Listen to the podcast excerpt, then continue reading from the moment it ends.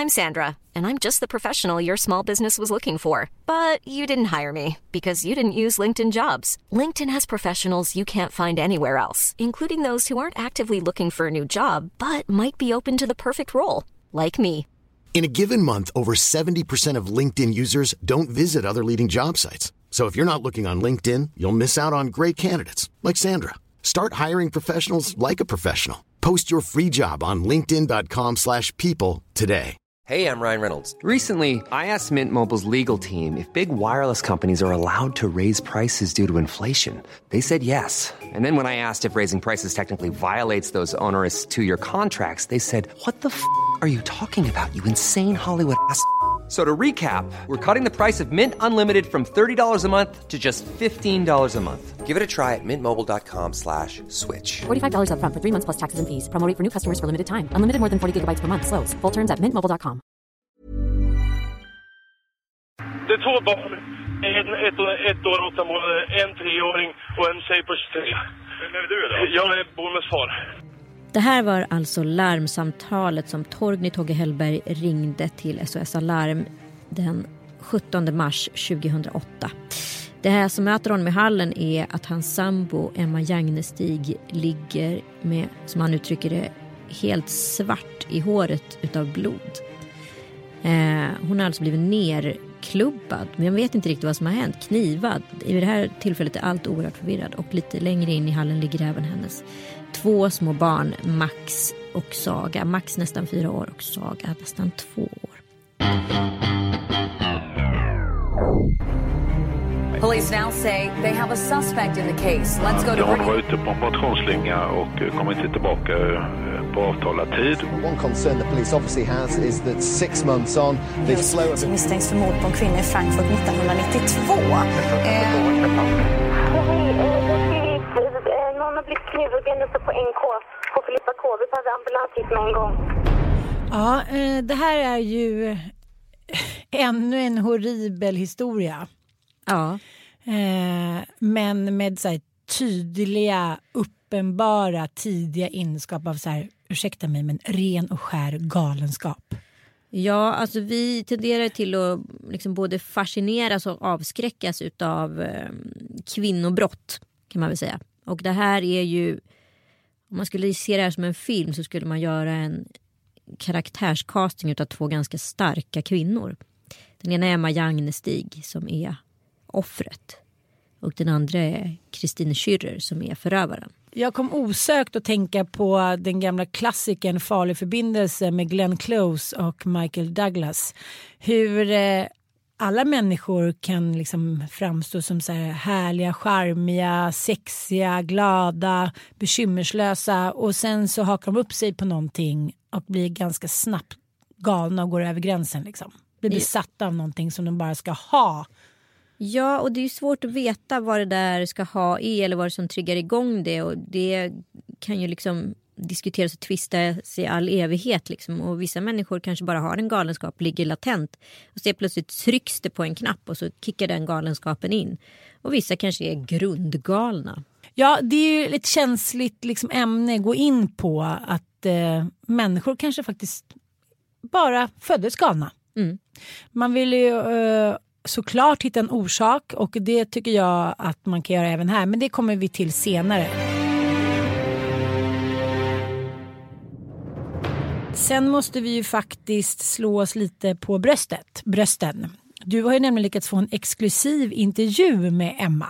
Ja, Jagnestig. Precis. Mamman till, Till Max och Saga. Mm. För du och jag har ju pratat mycket om det här. Det går ju inte att föreställa sig eller ens kunna sätta sig in lite grann i hur det är att ha två små barn som ens nuvarande snubbes ex kommer hem och på ett brutalt sätt mördar. Hur kan man gå vidare? De har ju två barn nu, Ja. hon och Torgny. Eh, och när man vaknar upp och får höra att en okänd kvinna har mördat det man älskar mest i livet. Jag personligen förstår inte varför man går upp ur sängen överhuvudtaget. Hur reagerade omgivningen? Ehm, hur har hon kunnat gå vidare? Hur tänker hon liksom kring sina barn nu? Kan hon förlåta? Alltså det är så många frågor som dyker upp när man hör om det här fallet och de har du faktiskt fått svar på här. Ja, det är ju tio år sedan det hände så jag antar liksom att eh, tiden kanske också läker alla sår även om det kanske i det här fallet är absolut omöjligt. Men det går åtminstone att ta sig vidare. Och det som jag tyckte var också ganska spännande ur liksom, vad ska man säga, en samtida synpunkt var att det här fallet fick ju så sjukt mycket uppmärksamhet. Och eh, det här bidrog ju till att förundersökningen eh, efterfrågades av väldigt många människor. Eh, det här för, förundersökningsprotokollet. Och det här blev då senare tillgängligt på The Pirate Bay. Mm. Kommer ni ihåg The Pirate Bay? Yep. Eh, när, vad ska man säga? Ja, den olagliga... Första delnings... Ja, gratis delning helt enkelt. Precis. Av upphovsrättsskyddat material eller sekretessbelagt material. Mm, precis, vilket var olagligt. Eh, och det här ledde då till den här debatten i Sverige om offentlighetsprincipen som åter handlat i fokus efter eh, Benny Fredriksson, alltså teaterchefen på Stadsteaterns självmord i Australien. Etik och krav på ny lagstiftning, alltså det där är sånt som, eh, som eh, är viktiga frågor tycker jag. Men nu börjar vi från allra första början. För om sanningen ska fram måste hundarna bussas för att gräva fram det ingen trott förut. Att det går över lika, det är inget som slussas genom drövets moral och etik. Det är en kick till media.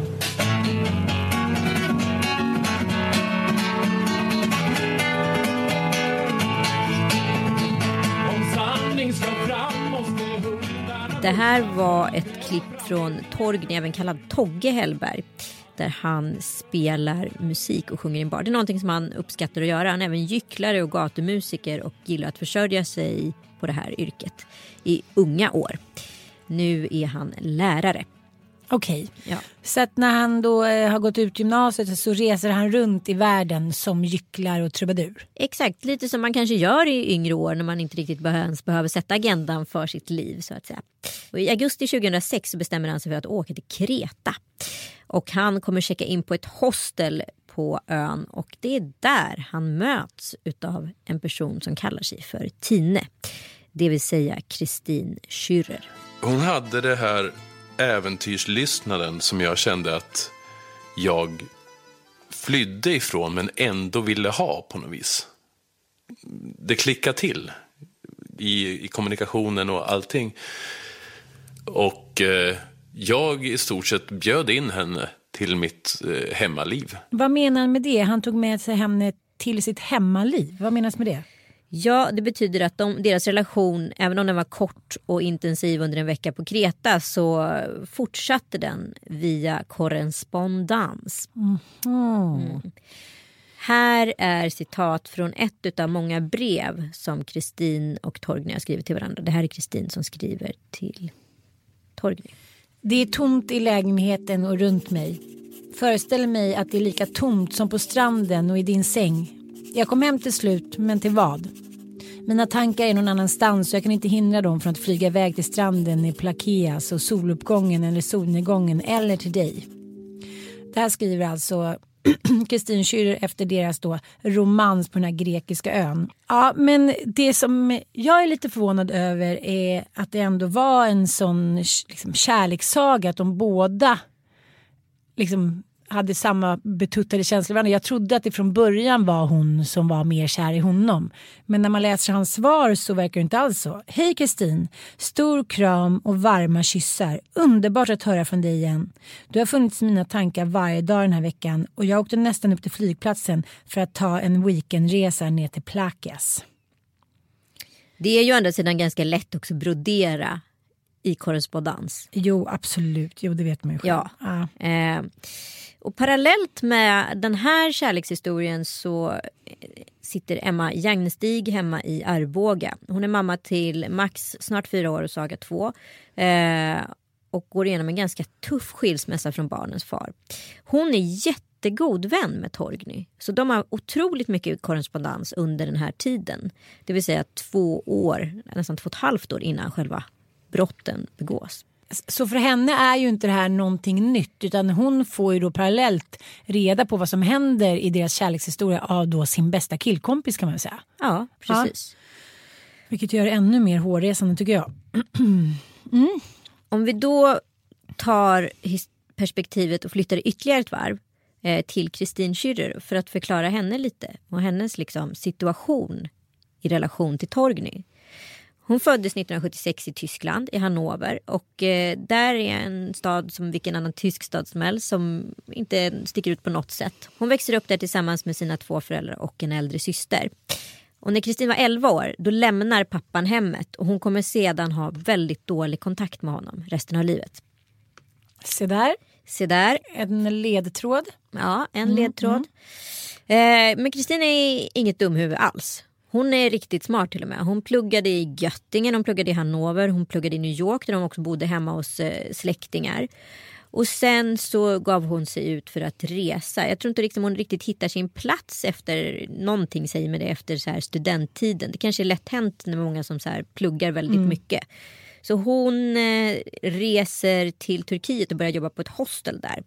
Senare fortsätter hon jobba på ett hostel i Aten men också jobba lite extra som historiker.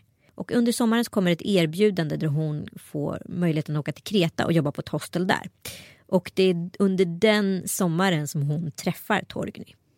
De blir jättekära men de fortsätter sin romans i oktober månad så reser Kristin från Kreta till Turkiet och där bodde hon en månad eh, hos en kompis innan hon åker tillbaka till Hannover. Och under hösten så har Kristin kontakt hela tiden med Torgny och de bestämmer till slut i alla fall att, ska, att hon ska komma upp och hälsa på honom i hans hem i Arboga. Mm -hmm.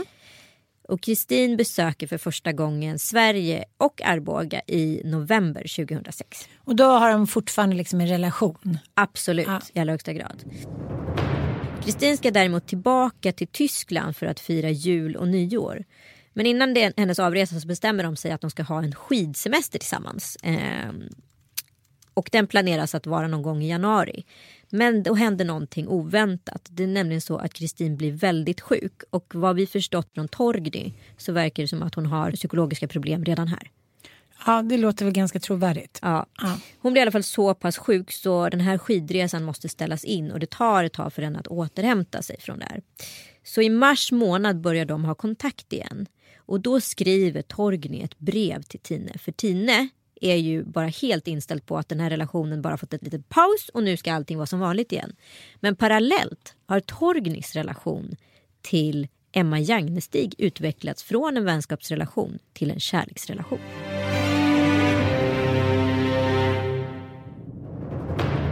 Tine. Mars månad har varit den mest omtumlande månad jag någonsin haft på värsta tänkbara sätt och jag vill inte träffa dig eller att du ringer till mig. Trots mitt hårda mejl önskar jag uppriktigt att du får ett fint lov från universitetet och jag hoppas för din skull att det du skrivit i brevet var sant, att du mår mycket bättre. Men jag har ingen önskan att hålla kontakt i framtiden. Ha det bra Torgny. Och så här har han beslutat sig för att han ska avsluta relationen. Han är korrekt men han är väldigt tydlig med att han liksom att han har avslutat kärleksrelationen. Ja, och det här kanske är lite manligt kvinnligt kommer in. För män är det liksom lite mer svartvitt och enkelt och för tjejer finns det lite mer skikt. Jo, men... Speciellt mår du inte speciellt bra så kanske inte det här är den typen av svar som du kan riktigt hantera. Nej, jag tänker så här, det är inte särskilt inlindat. Det är vänligt men inte särskilt inne. Och det vet du ju själv när man får ett sms. Vare sig det är liksom en avslut eller någonting gulligt så blir allting väldigt tydligt för att du kan ta in det med liksom din egna blick, om man ska säga så. Och eh, så att, ja, man kanske hade önskat, vilket man också gör ibland med män, att de kunde varit lite mer, eh, vad ska man säga, inlindande och kanske ringt ett samtal. Det här med att göra slut på mejl eller sms. Äh, ja, ge inte mycket för det men nu var det så som det var. Och det kommer ju Tina också belysa för honom att man gör inte slut på det här sättet. Så här går det inte till. Eh, men, så hon bestämmer sig i alla fall att åka tillbaka till Sverige och få ett riktigt avslut på relationen. Eller en omstart. Hon har i alla fall inte gett upp. Så i mitten av mars 2007 flyger hon till Stockholm. Och då bor hon alltså på ett hostel i 15 dagar och har till en viss del kontakt med Torgny. Eh, han försöker hela tiden avsluta relationen och få henne att inte kommunicera. Han upprepar flera gånger att hör inte avbryta mig mer men hon fortsätter.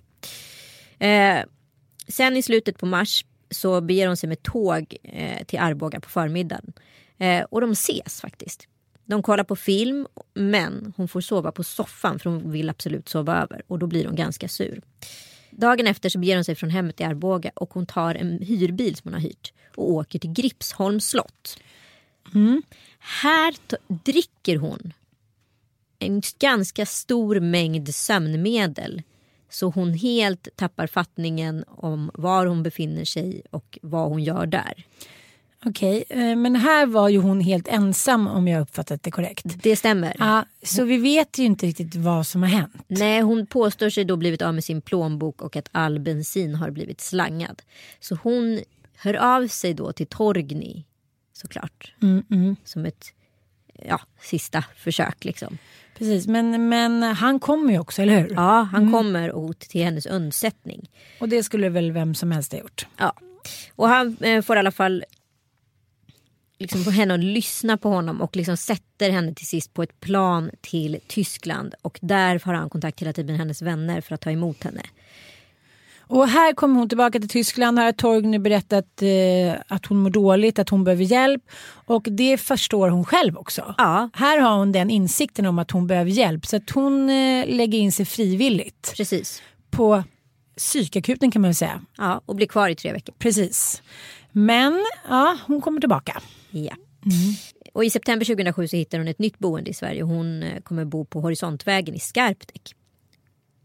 Eh, Men hon fortsätter må dåligt. Det är liksom inte bra med Tine. Och hon Nej. försöker en gång till ta livet av sig genom att skära upp stora kroppspulsådern. Så det slutar med att hon blir intagen på SÖS och hon får sy tre stygn. Ja, jag tänker också att tre stygn, om man verkligen vill göra allvar av att begå självmord så tror jag kanske att man skär lite djupt. Det där känns ju som ännu ett rop på hjälp. Ja, Eller uppmärksamhet om man kan säga så. Ja. Eh, och det fortsätter ändå vara liksom en ganska negativ spiral i Tines liv. Hon är liksom sjuk, psykiskt sjuk och i januari 2008, det är inte långt efter, så blir hennes mamma sjuk. Eh, allvarligt sjuk och en sjukdom som hon kommer senare avlida av. Så hon reser tillbaka till Tyskland för att få umgås med henne men hon pallar inte att vara kvar utav någon anledning. Hon känner att hon vill vara i Sverige och hon har skickat ut flera anställningsansökningar. Så hon reser tillbaka både den 12, 14 och även den 17 mars 2008. Och det här berättar ju sen både Emma och Torgny om eh, när de blir eh, förhörda. Att de är så här, du vet, så man kan ha en inre känsla, liksom en intuitiv känsla av att det är någonting som inte stämmer. Det är någon som ser en fast man inte ser dem. Det är bara en känsla av att det är något som inte stämmer. Precis som med otrohet till exempel.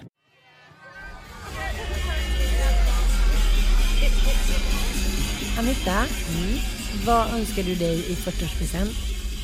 Förutom att bli ung igen. Ja, ja, jo det vet men det går tyvärr inte.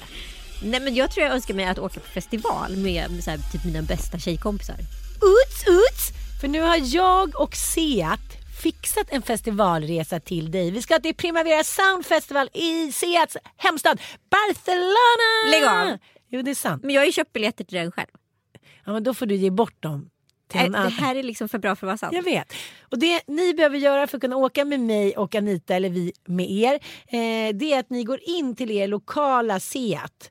Ja, Seat-handlare säger man väl. Och så ska ni provköra den nya Seat Arona. Och då har du chansen att vinna en weekend i Barcelona med oss. Ja, och så läs mer om tävlingen på seat.se. Alltså det här ska bli så stört kul. Du har varit på väg på festival hur många år som helst. Ja men jag vet. Nu händer det. Du måste ha peruk. Ja. Vi ses i Barcelona. Ja, gå in och tävla nu. Det här blir så roligt. Enligt egen utsago så handlar de här besöken i Arboga om enligt Tine att hon eh, bevakar sina historiska intressen. Vilka är då i Arboga? Ja, lite fornlämningar Ja, och grejer. Förlåt, jag ska inte. Ja. Eh, Men under den 18 mars bestämmer sig Tine trots lägenhet i Sverige och allting att resa tillbaka till Tyskland. Den 20 mars så väljer hon själv att överlämna sig till tysk polis i Hannover efter att fått reda på att hon varit efterlyst i Sverige. Mm. Nu ska vi backa bandet lite till. För det som har skett parallellt här det är ju att Tina har ju haft hela tiden haft kontakt med Torgny under hösten. Hon har sagt att någonting hon vill berätta för honom som hon inte vill ta på mail. Det är därför det är så himla viktigt för dem att ses. Ja, hon vill, men hon kan inte prata med honom i telefon utan Nej. Och helt plötsligt så dimper ett brev ner. i Torgnys inkorg från en Thomas Hemrich. Aha. Och vem är det? Thomas Hemrich är alltså en adoptivpappa påstås det till Tines och Torgnys barn. Herregud. Adoptivpappan hör av sig till Torgny för han vill berätta att eh, Tine inte mår bra, man ska inte kontakta henne. Men barnet har en blodsjukdom som finns i släkten. Så om det är så att de måste komma i kontakt med honom utav, på grund av att göra olika test eh, så, är, så behöver de ha någon form av kontakt. Men han vill inte bli kontaktad och han vill inte heller att Torgny kontaktar Tine. Torgny är jätteupprörd vid det här laget för han är ju så här, har jag ett barn då ska jag ta hand om det. Det är mitt ansvar. Då skrev jag tillbaka då ett, eh, ett brev till den här Thomas Emmerich. Vi tar väldigt gärna emot det här barnet om det skulle vara så att barnet finns. Men vi skulle vilja komma i kontakt med er för att göra ett faderskapstest. Också för min del att se att det faktiskt finns ett barn. Något svar på det mejlet fick jag inte. Men det här är väl också ett, ett klassiskt sätt som kanske också då stämmer på vad ska man säga, den kvinnliga profilen. Att vi så här, vad är det som vi tänker att vi kan fånga någon med? Mm.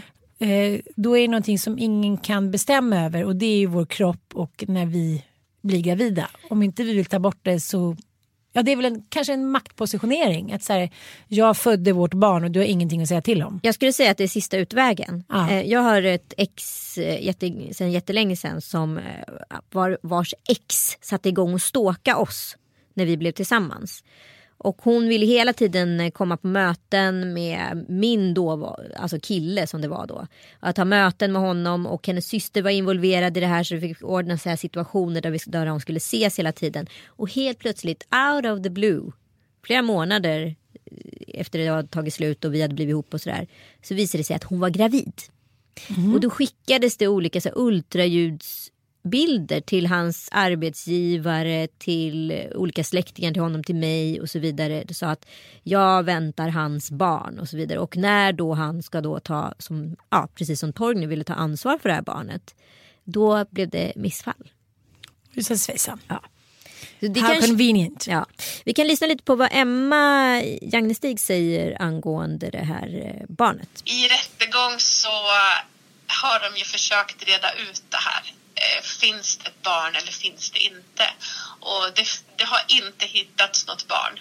Och eh, det har inte registrerats att hon har fött något barn någonstans. Eh, och hennes, i hennes dagboksanteckningar under den här tiden som hon då skulle vara gravid så finns det också saker som pekar på att hon borde inte ha varit gravid under den här tiden. Så att eh, allting tyder ju på att det inte finns ett barn. Till hundra procent, det går ju aldrig att säga. Men jag känner mig ganska säker på att det inte finns ett barn. Eftersom jag har varit med under hela tiden nu så nej, min magkänsla säger att det inte finns ett barn. Ja, men polisen eh, har ju såklart kollat igenom hennes dator. Och då står det då att Thomas Heimrich mejl skickades från Kristins dator under de aktuella datumen då från Skarpnäck. Så antingen har Thomas då i hemlighet kommit dit och skrivit om eller ganska uppenbart då så är det Kristin som har gjort det. Vi kanske ska lyssna lite på själva intervjun som jag gjorde med Emma. Och för att få svar, få svar på en del av de frågor vi alla undrar. Vad händer då Kristin den 17 mars 2008 besöker hemmet i Arboga? Alltså, jag minns ju så klart när jag öppnade dörren och första slaget. Ehm, Vad träffade det Jag- slaget någonstans? på höger sida av huvudet. Jag fick ju 15 slag på högra sidan av huvudet. Men just den här, det här första slaget, liksom, det var ju det enda som egentligen gjorde ont, vad jag minns. Ehm, det var ju otroligt kraftigt. Jag möter ju henne i dörren och hon tränger sig in i hallen. Eh, sen vet inte jag om hon liksom drar igen dörren efter sig eller hur det ser ut. Det, det minns jag inte alls. Jag minns bara att det smäller till otroligt kraftigt på min högra sida av huvudet. Eh, och sen så är det bara svart tills jag står längre in i hallen längs vänstra väggen den här gången och har henne framför mig och det smäller till i huvudet en gång till. Eh, efter det så ligger jag ner på golvet och eh, jag minns inte någonting av henne där. Mer än att det bara är suddigt och att jag ligger ner på golvet. Ja, eh, det här är då en vanlig mamma som har barn och träffat en ny kille som helt liksom utan har minsta aning om att någon ska så här, komma till hennes hem och försöka mörda henne. Det är ju faktiskt helt horribelt. Eh, men grejen är att nu när jag läser på lite här så är det så att hon har brottats med problem redan som barn i hemstaden Hannover och har i perioder också druckit väldigt mycket. Kristine. Ja. Vilket kan det vara en förklaring till. Jag menar, det vet vi alla när vi dricker att man kan göra galna grejer. Men eh, det som händer är också när polisen eh, söker igenom hennes dator så har hon ju kartlagt eh, barnen, eh, Emma och eh, Torgny. Och det här är ju ganska ovanligt för att vara en kvinna och följer lite samma, liksom, för att vara kvinna, ovanliga mönster som den andra Arboga kvinnan, mm. nämligen Johanna Möller. Det intressanta är att hon självständigt då, precis som Johanna, utan påverkan från någon annan, och eh, ingen som manipulerat henne, ingen man som har tvingat henne, ingen som på något sätt har varit inne och påverkat henne, vilket ofta är ganska vanligt eh, när kvinnor begår mord. Och sen planerar hon att döda barnen. Så att liksom, hon framstår ju då, eller skiljer sig från bilden att hon ska vara en så svag manipulerad kvinna som begår det här brottet från någon man eller som har dödat i självförsvar. Så att, eh, det handlar mycket om det där i media och övrigt samhället att så här, liksom, kvinnor ska vara ömma och vårdande och ändå så händer det här. Mm. Eh, och just det här att mörda barn det är ju det värsta utifrån kult, liksom, vår kulturella syn en kvinna kan göra. Det är liksom det framstår som omoraliskt, bestaliskt, hembegärt. Alltså, det är ett väldigt ovanligt rättsfall. Ja, och det jag har i alla fall läst på som har gått och liksom hitta på internet. Eh, det är ju att dels hade tyvärr de här eh, obduktionsbilderna på barnen läckt ut. Så det var ju en rättsprocess i sig för mm. Emma Jagnestig och Torgny att ta sig an. Men eh, också eh, att de var väldigt, väldigt skadade. Mm. Jag gick in i det här förrummet då där vi fick sätta oss på några stolar och vi fick se några bilder som de hade tagit på Max och Saga i nästa rum för att jag skulle förberedas på vad jag skulle få se. Och när jag hade sett de bilderna så sa jag bara att nu, det här räcker, jag vill inte gå in. Jag tycker att det här var otäckt nog. Men det var inte heller ett val utan de tog mig under armarna och eh, gick in. Och jag gick inte fram till sängen utan jag stod Alltså när jag tänker tillbaka så känns det som att det var 57 meter mellan mig och sängen. Men jag har varit i det rummet efteråt och vet att det bara var knappt en meter mellan mig och sängen. Men jag tror jag skapade mig avståndet mm. för att jag inte orkade. Och jag är så tacksam idag för att de faktiskt tvingade in mig. För jag behövde det. Och hade jag inte varit där så hade jag undrat idag. Hur såg de ut? Vad var det jag missade? Och att jag inte var där. Och jag är så glad att de förstod att det här skulle vara viktigt för mig i framtiden.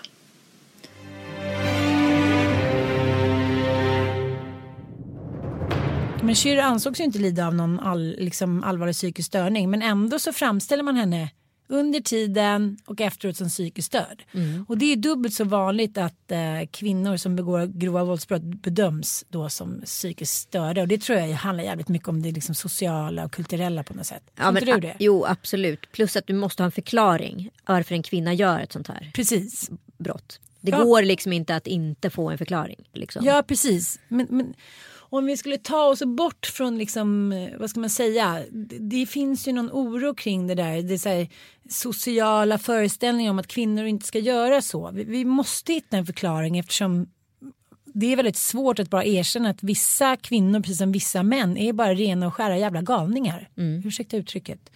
Ska vi lyssna ja, lite mer på absolut. Emmas eh, berättelse? För det som uppstår nu när Emma har varit utsatt för hammarslagen Eh, det är ju att hon inte har något minne kvar. När jag vaknar upp så det här har jag liksom fått återberättat för mig. För alltså jag minns ju faktiskt inte de första dagarna och jag vet inte vilket mitt första minne är egentligen.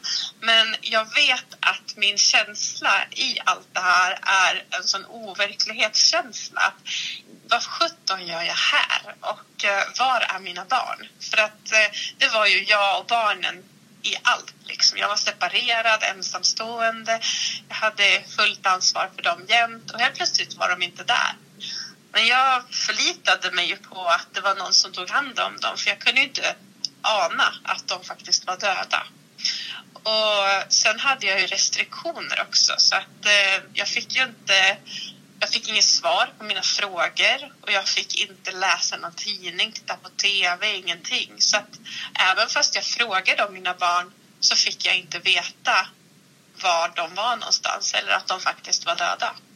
Jag väcktes ju den 27 mars och den 1 april då samlades polisen, åklagare, målsägandebiträde, försvaret, jättemånga viktiga personer samlades i ett rum och så körde de in mig. Och sen så frågade de, eller frågade, de berättade för mig att eh, mina barn inte fanns. De sa att eh, Emma, du har varit utsatt för ett brott och dina barn finns inte. Men jag minns inte det här tillfället alls faktiskt. För att jag har fått det här återberättat för mig. Eh, det, det är helt borta. Eh, och jag hade inte reagerat alls när jag fick den här informationen utan jag hade bara sagt jaha. Och sen hade jag lagt mig ner i sängen igen. Eh, förmodligen väldigt chockad fortfarande. Mina barn är exakt den åldern som eh, de här barnen var. Frallan är ett och eh, Bobo är tre. Och jag tänker så här.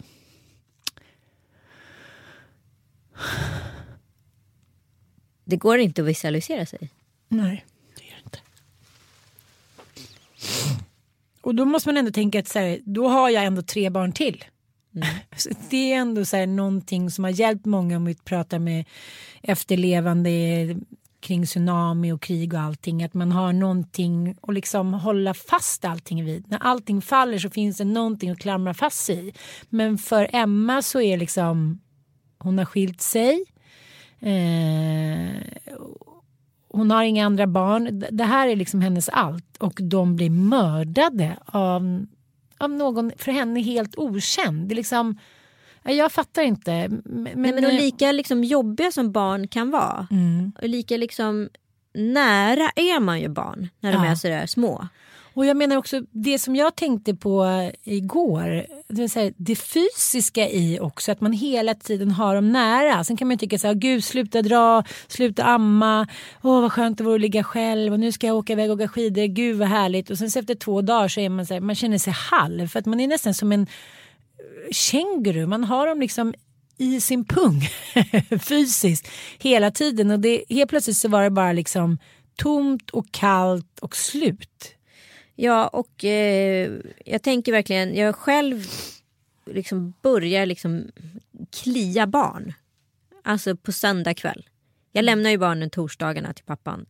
Och sen så på söndagen börjar de liksom komma in i min kropp igen. Och då mm. saknar jag dem så mycket och så blir det bara starkare och starkare på onsdagen när det är nästan outhärdligt. Och sen får jag hämta dem på torsdagen. Mm. Och eh, den där längtan att då få veta att så här, nej du kommer aldrig mer hämta nej, dem på dagis. Jag, vet, vet, så här, jag jag kan säga att jag var så jäkla nära att börja böla här när jag gjorde den här intervjun. Mm. För att det går, alltså jag, jag, vågar inte, jag vågar inte vidröra tanken. Nej. För att jag är så rädd för det här. Så jag, alltså, det hon har varit med om är kanske det värsta på jorden. Ja det är det faktiskt. Ja.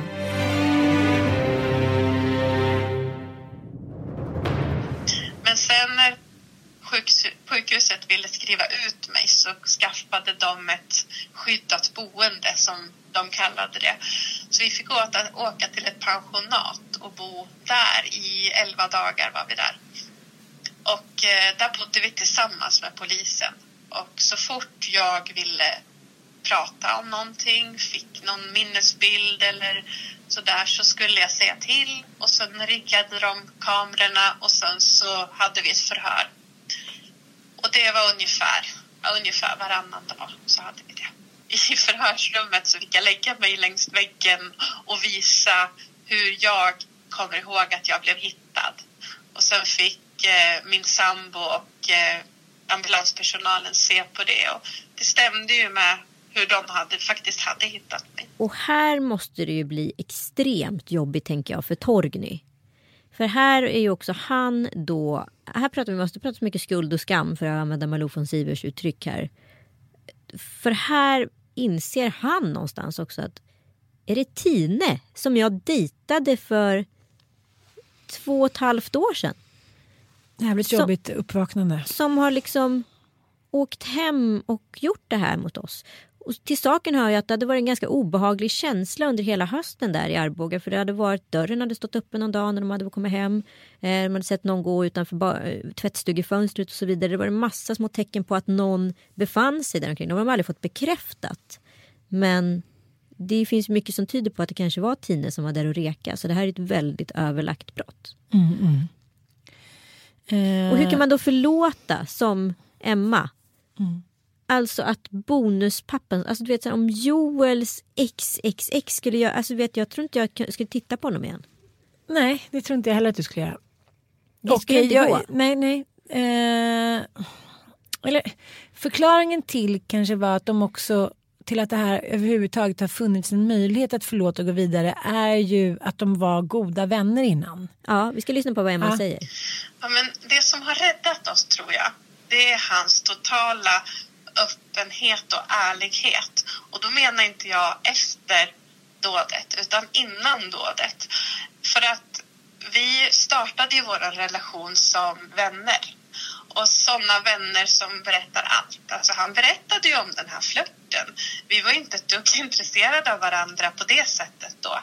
Han berättade om henne och sina känslor om, om henne och Eh, när de träffas och hon har försökt ta sitt liv. Och jag var ju liksom där på andra sidan som hans väns, vän och stöttade honom i den här relationen som han ville avsluta. Och med det i ryggsäcken sen när vi faktiskt vart ett par och det här inträffade. Det gjorde ju att jag fick en känsla av att herregud, han har ju faktiskt inte dolt någonting för mig. Har, har han kunnat förstått att det här skulle hända, då borde jag också kunna förstått att det här skulle hända. För så mycket kände jag att jag visste om henne redan. Eh, och det betyder ju faktiskt att ingen kunde ju ana att hon kunde göra en sån här sak. Det var en brännande het sommardag när, när ett stort pressuppbåd eh, samlades utanför den här anrika Köpings tingsrätt. Anja L Sundberg rapporterar för TV4-nyheterna. Både svensk och utländsk media är på plats i rättssalen. Det fanns ingen aircondition och svetten rann på alla journalister som satt i de här bänkarna, nästan som kyrkbänkar. Uppradade var vi. Och så kom hon in, den här misstänkta gärningsmannen, Kristine Schürrer. Jag glömmer aldrig när mamman till de döda barnen vände sig om och såg henne. Avgrundsvrålet. Ja, men eh, sen är det då rättegången och här eh, beter sig ju eh, Schürrer på ett ganska märkligt sätt. Ja, på vilket sätt? Ja, men hon är liksom nästan lite som en så här trotsig tonårsbrud. Lite som Helge Fossmo var också. Ja, lite så här fräser och ryter till och ignorant och skrattar och ler och beter sig så här allmänt liksom undligt. Man tänker så här vad hon är anklagad för. Kan det vara så att hon kanske njuter lite av uppmärksamheten? Ja, det, men hon framställs ju som en galen stalker som vägrar ge upp. Liksom. Och, eh, och hon vidhåller ju hela tiden att hon är oskyldig. Ja. Att det är en komplott, hon mår liksom hon förstår inte det här och det är många före henne. Hon gör liksom en liten historisk tillbakablick som har blivit eh, oskyldigt dömda och sådär va. Alltså jag tycker ändå det mänskliga psyket är väldigt spännande. Det kan ju faktiskt vara så att Kristina Schürrer är helt övertygad om att hon faktiskt kanske inte har gjort det. Har hon gjort det under en psykos så kanske hon inte har något minne av det. Mm, mm. Vi har ju en eh, relativt god vän som har varit inne i psykos för ett tag sedan. Och han har ju inget minne av den psykosen. Precis. Men hon har också skrivit ett brev till Beatrice Ask då där hon eh, först berömmer Beatrice. Att, ja, hon är väldigt bra på det hon gör men om hon skulle kunna få en resning då i Högsta domstolen eftersom hon är oskyldigt dömd. Mm. Mm.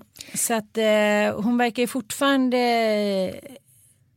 ja, leva i någon så här narcissistisk tro på att det här är inte hon utan det här är, är någon annan och hon är oskyldigt dömd. Liksom. Ja, och det man undrar lite vad som har hänt är ju själva hammaren. Mm. Eh, för att eh, mordvapnet återfanns ju aldrig. Det var ju rykten om att det skulle hittas på, på Skavsta flygplats. Men vi ska höra vad Emma Jagnestig har att säga om det. Jaha.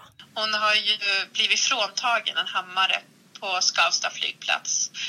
Och anledningen till att man vet det här är för att hon har skojat om det till en vän som hämtade henne på Tysk i Tyskland då när hon landade där. Ja, det är sannolikt ett av Sveriges mest intressanta kvinnliga brottsfall. Om man ska prata helt kliniskt och icke-emotionellt. Vilket var absolut omöjligt att göra i den här podden. Ann, du började till och med gråta. Alltså det är ju ett av de vidrigaste brotten jag har någonsin studerat. Liksom. Mm, mm. Och jag tror att eh, det som också är lite intressant i det här fallet tycker jag är att Niklas då som är pappa till barnen. Han har ju helt hamnat under den massmediala radarn medan Emma då har bearbetat och eh, det var som hon sa, jag hörde när du ställde frågan så här, du får säga till om det är någonting som känns obekvämt eller något du inte vill svara på eller om det är någonting du vill att vi ska ta bort sen. Mm. Men då sa hon att nej, jag svarar på allt. Mm. För att det här har varit mitt sätt att bearbeta. Och då tänker jag också lite så här, jag kan ju bara vara hobbypsykolog, men Niklas då som var pappa till barnen, han eh, måste ju då enligt liksom social och kulturell struktur bearbeta smärtsamma liksom händelser på ett annat sätt. Ja, och det har ju Emma varit tydlig med att de har ju, och även Torgny har ju inte heller velat vara offentlig efter dåden. Eh, utan den enda intervju han faktiskt gjort är ju den med Petri Dokumentär som Mm. kom för några år sedan. Men Emma säger också att hon har haft mycket hjälp av att de har varit så transparenta och ärliga och sagt vad de känner och tycker. Att det har hjälpt henne väldigt mycket. Ja, och de frågorna som hon sa som hennes kompisar liksom inte riktigt vill ställa för de är rädda för att hon ska bli ledsen eller sårad. De har ju media vågat att ställa så för henne har det varit terapeutiskt. För hon har varit så här, vi kan lyssna lite på vad Emma säger här. Ja. Ni vet rubriken de vill ha, hur mycket blod var det där? Alltså jag ville prata om det. Hur hemskt det än låter så behövde jag få det ur mig. Eh, jag behövde bearbeta den bilden och eh, de tankarna och känslorna. Och det hjälpte mig att faktiskt börja gråta fast genom pratet istället för genom spyorna. För fortfarande fäller jag inga tårar. Men nu när jag sitter och pratar om det här, det är mitt sätt att sörja. Ja, eh, jag vill bara säga jag är så djupt imponerad utav hur hon har hanterat det här Emma och eh, är, ja, det, det är ett svårt brott att hantera. Men jag tänker också att det är ganska intressant det hon berättar här. Att det här är ju ett väldigt viktigt liksom, eh, pussel i bearbetningen. Att man så här, istället för man själv kan vara att man säger ah, men jag låtsas som ingenting, stoppar huvudet i sanden, nu går vi vidare, stänger in känslorna. Så har hon ju så här, öppnat kranen till alla känslor och också tagit reda på exakt vad det var. Så att man inte ska, vad ska man säga, leva i liksom ovetskap om vad som faktiskt hände. Och jag kan ju, liksom, när man hör det här och själv är mamma så låter det som att man instinktivt skulle välja en annan väg. Mm, precis jag vill inte höra, jag vill inte se henne, jag vill inte prata med henne. Men det här är ju ett, eh, det bästa sättet att bearbeta saker på. Att exakt få veta så att det inte blir liksom ja, några pusselbitar som man inte vet om och som man kan ligga då och frossa i på kammaren när man mår som allra allra sämst. Mm. Nej men alltså det kan jag ju, nu kan jag inte ens dra paralleller men jag kan dra parallellen till att inte veta. Det är ju liksom ens egen, egen adoptionshistoria. Innan jag själv åkte Ja. till Indien så blir det ju liksom att jag, det här var ju någonting som malde och gnagde i mitt huvud en gång per dag minst. I Mm. hela mitt liv fram till jag var 26 år. Ja. Vad är det som har hänt? Vad hände de där två oskrivna åren som bara är liksom helt utraderade i mitt liv? Liksom? Mm, Och mm. sen så när man väl åkte dit och fick se, fick känna, fick lukta, Mm. fick ta på liksom allting och liksom få någon typ av kartläggning av ett händelseförlopp som har skett. Efter den dagen har, släppte ju liksom den ångesten, vilket det var.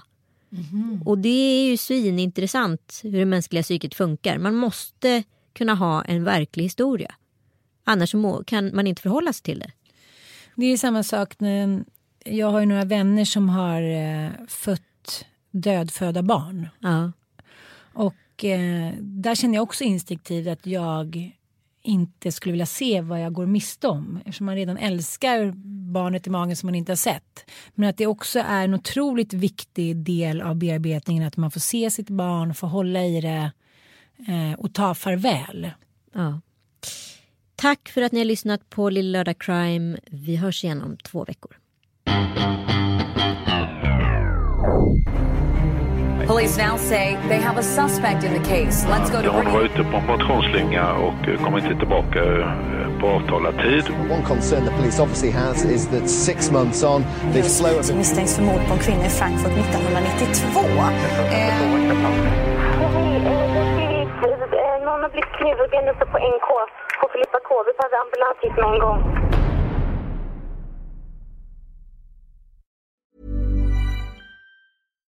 Hi, I'm Daniel, founder of Pretty Litter. Cats and cat owners deserve better than any old fashioned litter. That's why I teamed up with scientists and veterinarians to create Pretty Litter. Its innovative crystal formula has superior odor control and weighs up to 80% less than clay litter. Pretty Litter even monitors health by changing colors to help detect early signs of potential illness. It's the world's smartest kitty litter. Go to prettylitter.com and use code ACAST for 20% off your first order and a free cat toy. Terms and conditions apply. See site for details. Hi, I'm Daniel, founder of Pretty Litter. Did you know cats tend to hide symptoms of sickness and pain? I learned this the hard way after losing my cat, Gingy. So I created Pretty Litter, a health monitoring litter that helps detect early signs of illness by changing colors, saving you money and potentially your cat's life. Pretty Litter is veterinarian developed, and it's the easiest way to keep tabs on your fur baby's health right at home. Go to prettylitter.com and use code ACAST for 20% off your first order and a free cat toy. Terms and conditions apply. See site for details.